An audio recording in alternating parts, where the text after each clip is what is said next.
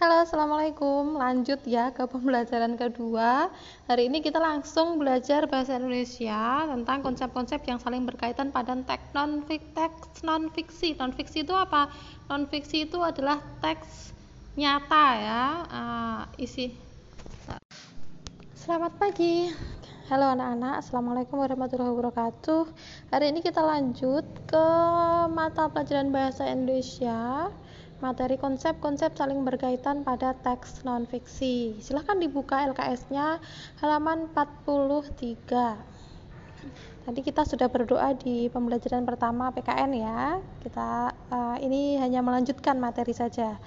Baik anak-anakku, di halaman 43 kalian akan menemukan materi tentang konsep-konsep yang saling berkaitan pada teks non-fiksi. Teks non-fiksi itu apa ya? Teks, teks non fiksi itu adalah uh, karangan yang berisi eh, fakta-fakta uh, nyata yang ditulis oleh pengarang yang isinya itu dapat dipertanggungjawabkan baik informasi maupun berita ya.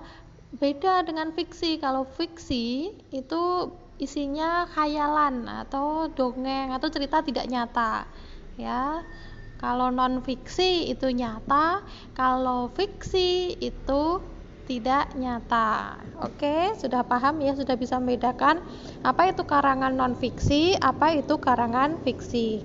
Nah, untuk membuat karangan non fiksi yang isinya itu dapat dipertanggungjawabkan tadi, yang informasinya tadi berdasarkan fakta tadi ya, itu harus dilakukan ya dalam pembuatannya itu sebaiknya menggunakan kosakata baku. Apa itu kosakata baku? Kosakata baku itu adalah kosakata yang sesuai dengan PUEBI ya.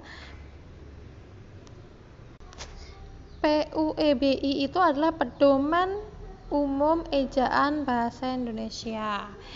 Uh, kalian juga bisa melihat KBBI ya, Kamus Besar Bahasa Indonesia. Contoh kosakata baku dan tidak baku ya seperti di bawah itu.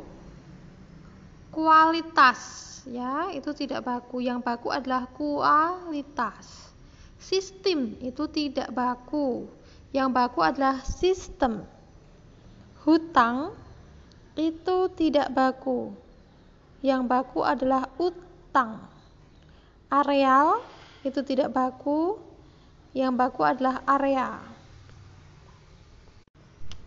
Nah, teks non-fiksi itu dapat dibuat pamflet agar terlihat menarik perhatian membaca.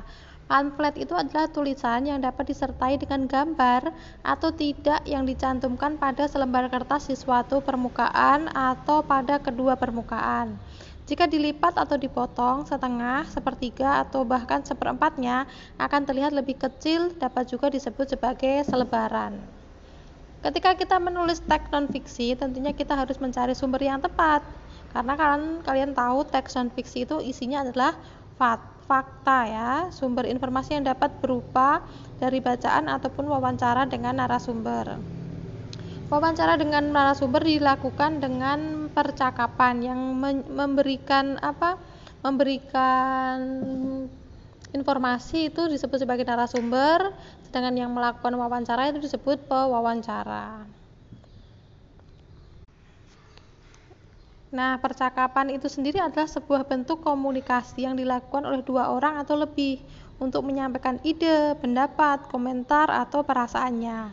Syarat-syarat terjadi percakapan apa? Yang pertama terdapat topik, yang kedua ada tokoh, minimal dua orang. Lalu yang ketiga mengetahui makna dan tujuan dari percakapan. Itu tadi pembelajaran bahasa Indonesia pada pagi hari ini. Nanti kita akan lanjut ke materi IPA. Oke, monggo. Baik, ditutup dulu ya. Terima kasih.